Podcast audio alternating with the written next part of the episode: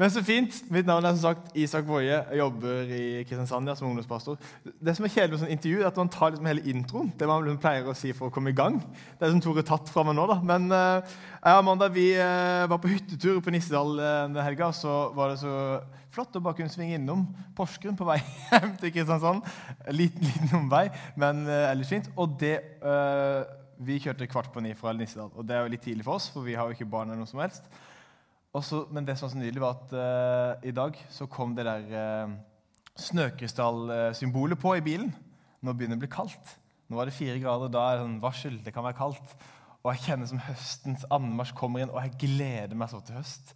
Det blir så fint, det. Eh, sommeren, topp. Men så ble jeg lei av sommeren, for mye av det gode. Så kom høsten med elgjakt og alt det som er. Så det gleder jeg meg til. Det var liksom uh, min start på dagen og en sånn der bonus inn til Porsgrunn misjonskirke. Så når jeg tenker på Porsgrunn misjonskirke, så tenker jeg wow, for en morgen jeg hadde oppe i Drangedal der. Tore sa til meg før uh, gudstjenesten at denne menigheten er 140 år gammel. Snart 140. 138, for å være helt presis. 140 år gammel. Og det sammen med eh, noe du sa Marte, da du ba, og sangene vi har sunget, står veldig godt sammen med temaet som jeg har lyst til å tale om i dag. Og det er en setning som, som, jeg, ble, som jeg, fikk høre i 2019, og som har liksom gått sånn i bakgrunnen og surra. Altså, hvis jeg får liksom muligheten til å tale om et tema som er fritt, sånn som her, så er dette temaet jeg har lyst til å tale om. Um, og Så ser jeg utover salen her. Også, jeg jobber i en kirke i Kristiansand der det er veldig mye småbarnsforeldre. Vi er en nyplanta menighet, og vi har veldig få av de 50-60 pluss. Og det å stå for min del tale til noen som ser ut som de er 50-60-70 pluss Det var hyggelig sagt. det, det, det har jeg litt en ærefrykt for, da. Fordi det er noe med å komme inn i lokalet, og det er mye grå hår. Og det her kan jeg si, for jeg kommer til å få grå hår om fire-fem år, for det jo pappa. så det går veldig fint. Men det har kommet med mye grå hår, så kan du tenke sånn Så tenker jeg wow, Gud er søren meg trofast. ass. Han holder et helt liv. Og Det er litt den følelsen jeg fikk høre, at uh, her er vi 100, snart 140 år gammel menighet, og det var litt grå hår her. Og det sammen, alle disse tankene her, kan man oppsummere i en setning som er Deus semper major. Og nei, det er ikke norsk, og det er ikke sørlandsk heller. Det er latin. Det er latin. Og det betyr at Gud er alltid større. Og denne setninga her, når jeg fikk høre den, det bare hadde sånn tyngde. Gud er alltid større. Og Hvis det er, sånn, hvis det er bare én setning du kan ta med deg som bare kan gå sure fra det jeg sier nå, Gud er alltid større. Og For min del er det nesten så vi bare kan avslutte nå. For den setninga gir meg nok å tenke på. Men Gud er alltid større.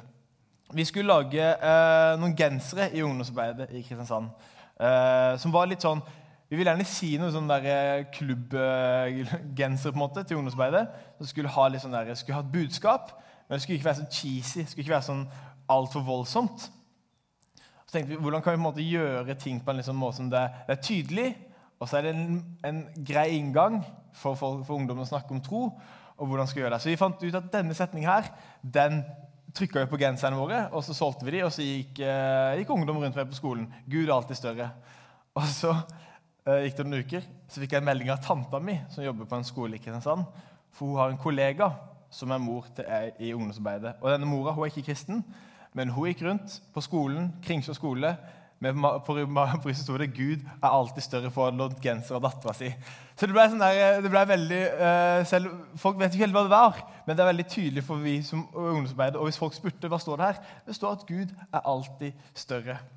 Og Jeg har lyst til å se litt på det her med at Gud er alltid større ut fra hva David skriver i salmene. Og Blant annet så skriver han i Salme 135, vers 1, at jeg vet at Herren er stor, vår Herre er større enn alle guder. Gud er alltid større. Og så Før jeg går inn i det, så har jeg bare lyst til å stoppe opp ved noe som jeg har gått og tenkt litt på i det siste. Og dette med forholdet mellom objektivitet og subjektivitet. Hva som er objektivt, og hva som er subjektivt. For noe i samfunnet som jeg føler er en sånn strømning, det er et eller annet at så lenge det kan forankres i meg og i subjektet meg, så er det sant. Jeg så på 'Forræder', det er fredagsprogrammet på TV 2. Der det handler om at det er en gruppe med kjendiser, og så er det noen som er forrædere, som skal prøve å få ut de lojale. Og så I løpet av natta så stemmer det ut en, og så skal, på dagtid så skal disse lojale finne ut hvem som er forræder, og så har en avstemning på slutten av dagen. Og Så anklager de hverandre og kaster litt sånn ball fram og tilbake. Og Så sier han en at han anklager ei for å være forræder. Han er ikke helt sikker, men han anklager henne uansett. Og så sier han i et sånt intervju at så lenge han sier det han mener og tror, så lenge han tror mot det han selv mener, samme det om det er riktig eller sant, eller riktig eller feil, så lenge han har tro mot seg selv i det han sier, så, så skjønner han hva han mener. Det er noe med å stå for det du mener, men han bare hiver på en måte liksom hele objektiviteten til sides. At det bare så lenge jeg tror mot meg selv, så er alt greit. Så får det stå. Og så glemmer han liksom at det fins en objektiv sannhet her. Og så har jeg tenkt at Er det noe vi kanskje gjør av og til i kristenlivet? Og at så lenge det er sant for meg, og Gud er sånn for meg, så er jeg ikke så nøye hva han er for deg. og så er Det objektive er ikke så nøye lenger. Og så har jeg tenkt litt på det med objektivitet og subjektivitet. Jeg kan fortsette meg sjøl i sentrum, og vi som kirke kan nå fortsette kanskje av og til folk i sentrum. Litt, til, det, å skulle tale på en gudstjeneste er litt sånn ambivalent for min del. for det som blir, I dag skal han og han tale, det blir fint og flott. Og så tenker jeg ja, nei, det blir sikkert helt greit, men det, det er ikke meg det handler om. Det er Gud det handler om. Og så er det sånn der, Skjønner hva jeg vil hen? At, at vi kan si, styre liksom rundt mennesker, rundt oss selv. da. Og så har jeg bare lyst til å løfte perspektivet i dag til at det er Gud. Og så sier jeg ikke at dere ikke tror på Gud. Jeg sier ikke at dere ikke er kristne. Jeg tror, jeg tror det er mye tro, mer tro her hos enkelte dere enn der hos meg. Men bare noe med det at løfte Gud opp. Og så Av og til tror jeg godt for oss å legge til side meg sjøl og hva jeg føler, og hva det er som skjer inni meg. Så bare, nei, Av og til er det bare Gud. Det er bare Gud, liksom. Og Noen ganger så må jeg gå inn med følelsen min inntil Gud, men andre ganger så er jeg bare det er bare Gud. Han er stor, han er mektig. Punktum. Og så får han bare være det. Og så tenker jeg jeg tolker det ut fra hvordan jeg har det, hvor jeg er hen, men bare Gud er stor, Gud er hellig, ferdig. Der må jeg av og til være, liksom, bare for å sette det sånn. For hvis av og til kan jeg ta litt for mye av mine følelser og mine tanker inn i det. Gud han er transcendent, står det i Bibelen. Nei, det står ikke akkurat det i Bibelen, men vi kaller det transcendent. Han er høyt, hellig, stor, opphøyd der ute i det fjerne. Og så er han immanent. Han er her, hos den som er nedbøyd og knust i ånden. I det høye og hellige bor jeg, og hos den som er nedbrutt og knust i ånden, er jeg. Så Gud er begge steder. Men Gud han er alltid større enn meg og mine følelser. alltid større enn det som er. Gud er stor, Gud med stor G. Og Noen ganger er det godt for min del å bare si Gud er stor, Gud er mektig, Gud er hellig. Ferdig. Og så lar han være det. Jeg har tre punkter jeg skal snakke om uh, ut fra det her. Nå sjekker jeg klokka. det er sånn der, jeg ser mange pastorer. Jeg aner aldri hva klokka er når jeg begynte heller. Altfor sent å sjekke klokka nå. Men det er bare å se sånn der de voksne gjør det, så da gjør jeg i det. Men første punktet mitt det er at Gud han er alltid større enn det han har skapt.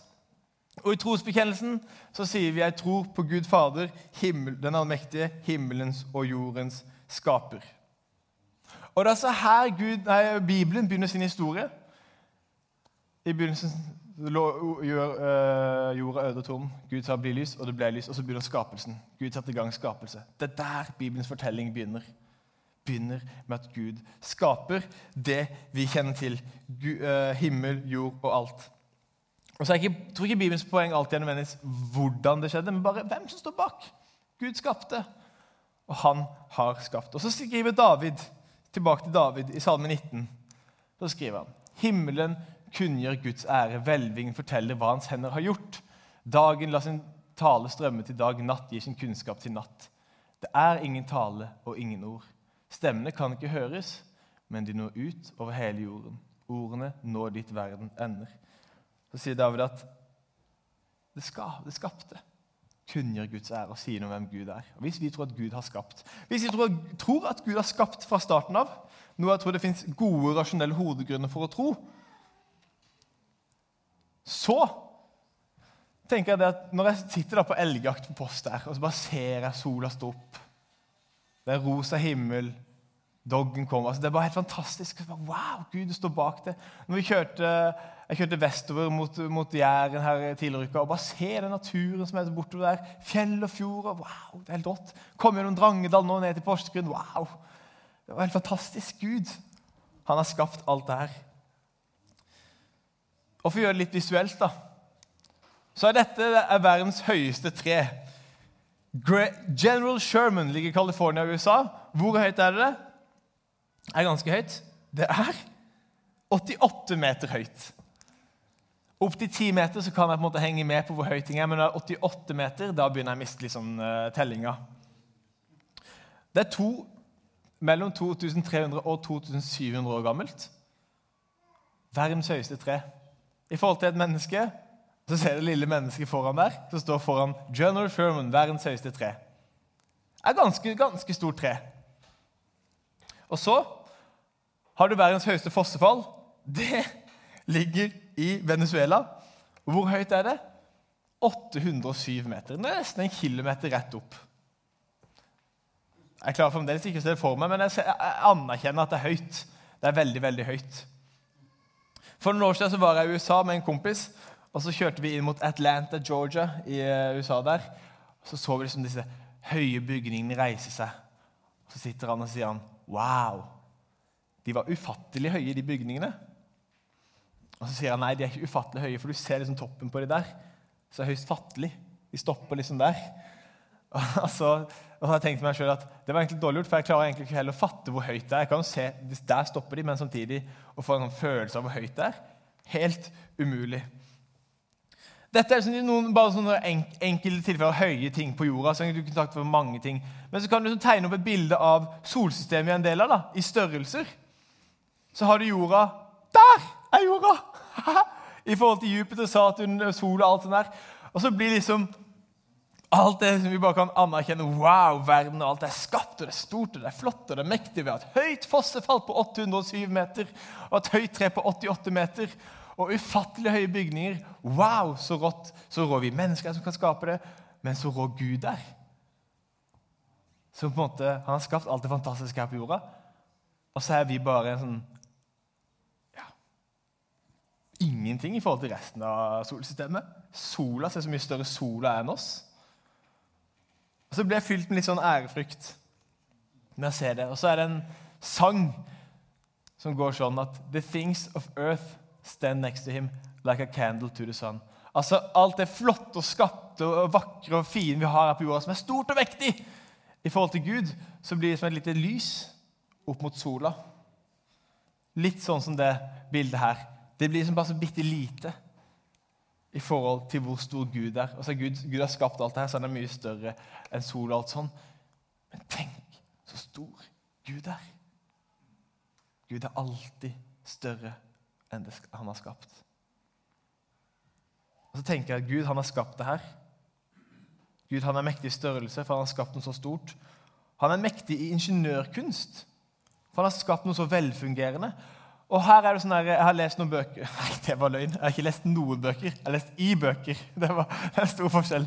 På skolen på Ansgar så lærte vi litt om det forholdet med Vi har lært om det finjusteringsprinsippet, som, er et argument for at Gud har skapt alt. Fin, alt er finjustert til det minste detalj. Så henger alt sammen.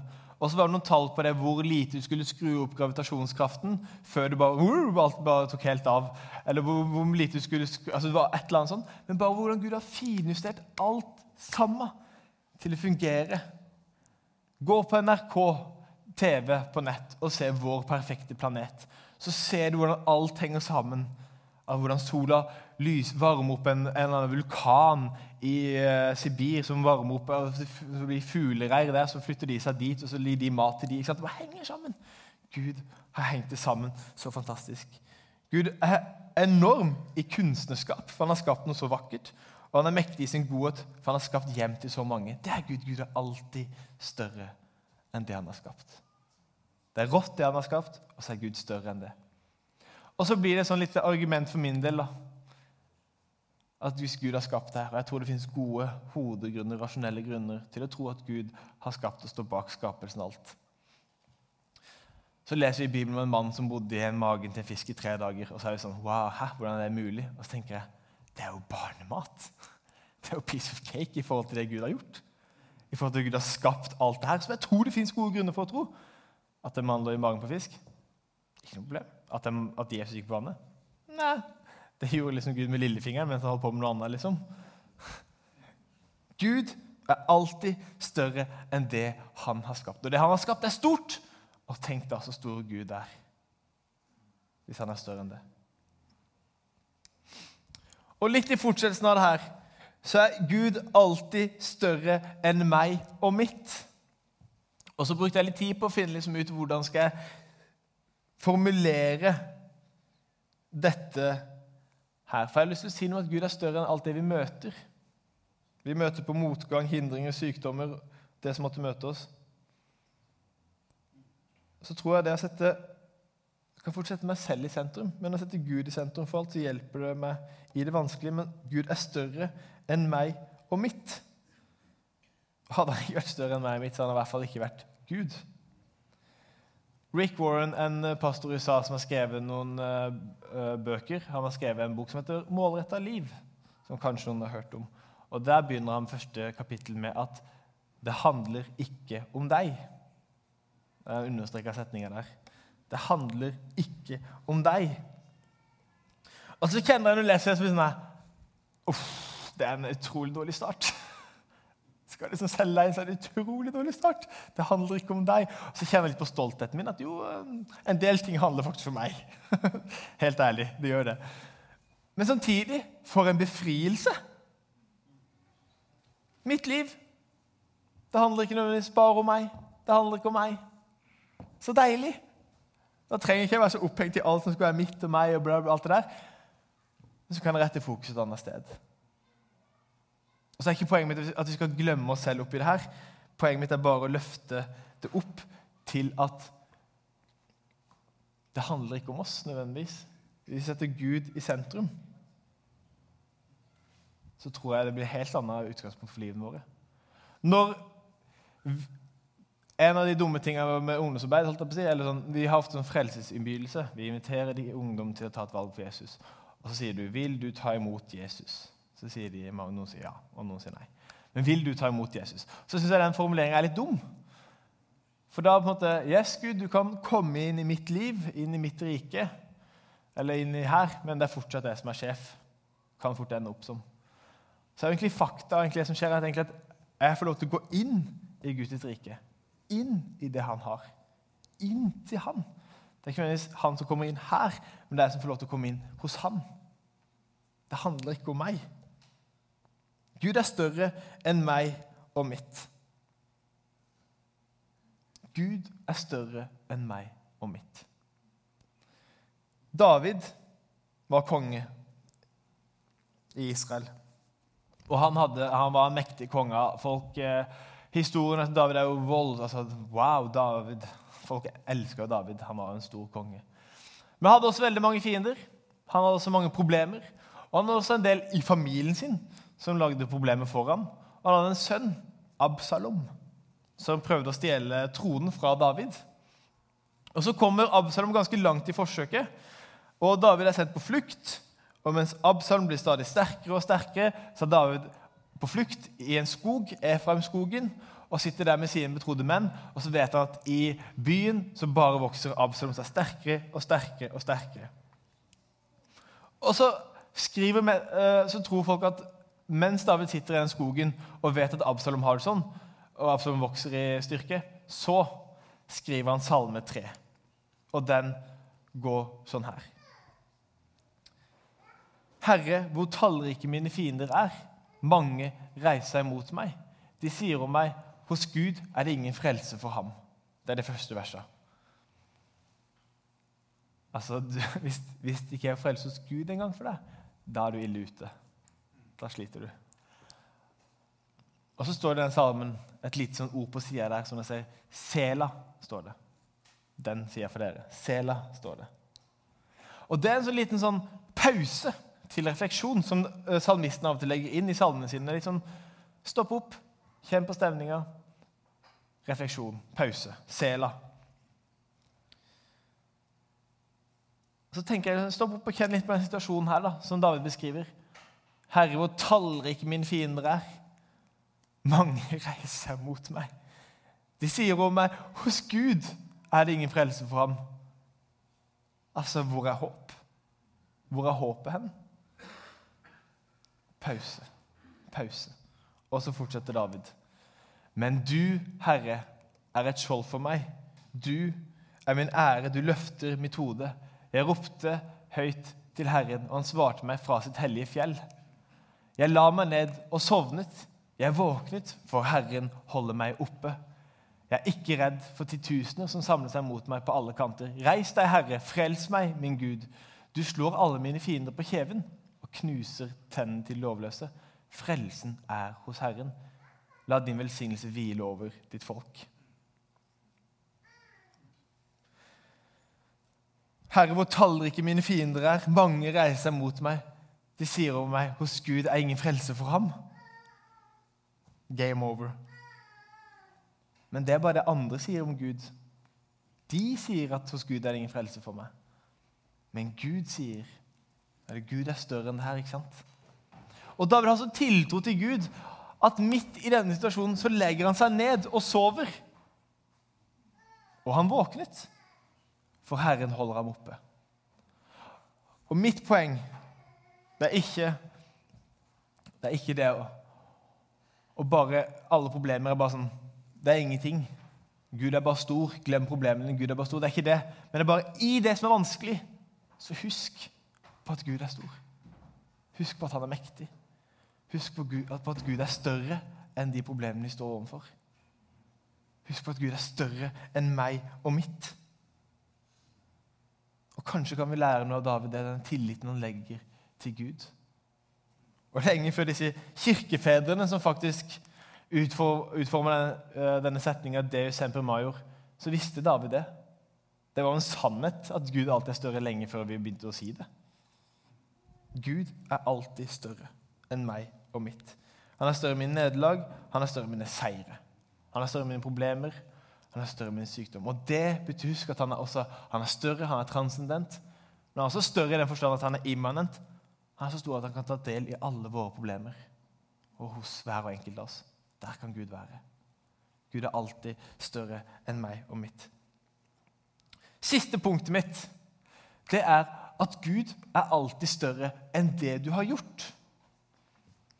Og en, en liten analyse er gjort av mye av i hvert fall type ungdomskultur og studentarbeid, for det er det jeg er inne i, eh, i forhold til med tro. Det at vi snakker veldig lite om at, Gud, at, at Jesus døde på et kors for våre synder. Så det er veldig lite i det vi sier, da, i tangene våre og i talen, så er det veldig lite det vi sier at vi forkynner veldig lite kors og blod og lam og alt det her. Men vi forkynner veldig mye Guds trofasthet. Og så er det veldig sant, og det er veldig bra. Gud er trofast. Og så blir denne sangen for så langt, som er veldig veldig fin. Det blir sånn tegn på det at Gud er trofast. Men så må vi ikke glemme dette at Jesus har dødd på kors for våre synder. For det har gjort. Det er jo der det ligger. Det ligger jo ikke bare at Gud elsker meg uansett, men det ligger at Gud elsker meg og døde på et kors for meg. Det er en synd som er blitt betalt. I en serie som heter Game of Thrones, så møter vi han her. Det er litt dårlig bilde, jeg er ikke sikkert ser han, men så vi ser halve ansiktet hans. Han heter Theon. Og han her, han er, Vi er jo en verden med masse der familier er veldig viktig. Folk har sine familier og har veldig eh, lojalitet i familier, og de inngår allianser og alt sånt her. Og Theon han er, vokst, han er egentlig en Greyjoy. Men så ble han adoptert inn i Stark-familien. Og så, han, og så, er han adoptivsønn, og han henger jo ikke helt med i oppveksten og finner ikke helt sin plass i denne familien. ikke sant? Og så For å vinne gunst hos sin biologiske far, hos han Greyjoy-faren, så gjør uh, Theon opprør mot denne Stark-familien, og, og, han uh, og, uh, raser ned borgen deres og tar noen liv og litt sånn. Og så går serien videre. og så har Theon blitt tatt på en sånn syndenød, virker det som. Og så møter han John fra Stark-familien. Og så har han veldig behov for å gjøre opp for seg. Og så bekjenner han som alle synder, det han har gjort. Han tar et oppgjør med seg selv og med John og Stark-familien sier 'Unnskyld for alt jeg har gjort. Beklager det her.' Og så sier John, Det er ikke min plass å tilgi deg, men det jeg kan tilgi, det tilgir jeg deg. Og i det øyeblikket så ser du Fion han bare reiser seg opp til en ny mann. Han var liksom lutrygga, svak og ussel pga. alt det som tynga han. Og så bare reiser han seg opp, for han har fått tilgivelse. Og det er bare en delvis tilgivelse han får av John dette øyeblikket. ikke sant? Hos Gud så kan vi få en tilgivelse for alt. Det ligger noe i tilgivelsens kraft som vi ikke må glemme. Som Fion ble så veldig stort bilde for min del på at tilgivelsen den reiser oss opp igjen. Når vi får gjort tilgitt våre synder. Det er ikke bare feid under teppet. Det er ikke bare glemt, det er ikke bare viska ut. Det er sånn, Jesus har tatt straffen, og på grunn av det så får vi tilgivelse.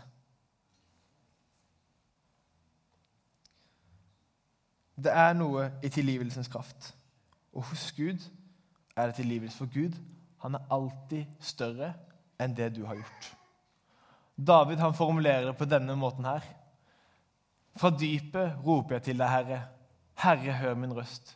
Vend øret til mitt rop om nåde.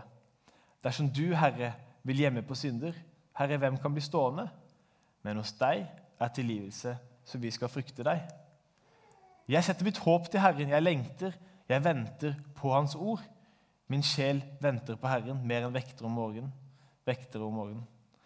Vent på Herren Israel, for hos Herren er miskunn og kraft til å løse ut.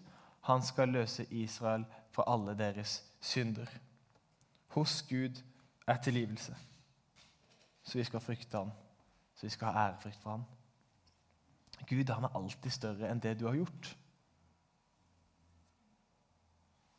Og det å få tilgitt syndene Det er jo noe helt, det er helt egen følelse. Det er en kraft i tilgivelsen. Og så kan vi gå og kjenne på de tingene vi har gjort. Gå og kjenne på våre syndene våre. Det, jo, altså det, å gifte seg er jo helt fantastisk, men man går plutselig man blir veldig, uh, ikke, Man blir ikke veldig uh, var for seg sjøl, men man får no, åpne noen øyer da, for hvordan man oppfører seg sånn. Og da har jeg, Det har vært liksom noe som jeg har godt tenkt på. Er det, er det riktig jeg gjør? Er det Oppfører meg greit? og alt sånt. Så kan man gå og kjenne på det her. Og så rekker måte nåden min den, for meg sjøl rekker liksom så langt. Og så har jeg, Av og til stopper liksom nåden opp fra. Min nåde til meg sjøl stopper på en måte opp på et tidspunkt. Og så kan jeg liksom klamre meg til at Guds nåde til meg, den stopper ikke opp. Den er ikke begrensa sånn som min nåde til meg sjøl er. Det er som Paulus skriver, men der synden ble stor, ble nåden enda større. Gud han er alltid større Gud er stor, punktum. Gud er alltid større. Og så har jeg bare tatt tre ting som jeg mener at Gud er større enn. Og så kan vi legge masse til den lista. Gud er større enn alt det han har skapt. Gud er større enn meg og mitt. Gud er større enn det du har gjort. Og det siste punktet med at Gud alltid er større enn det du har gjort Hans nåde er alltid større enn vår feil. Hans nåde er alltid større enn min nåde til meg selv.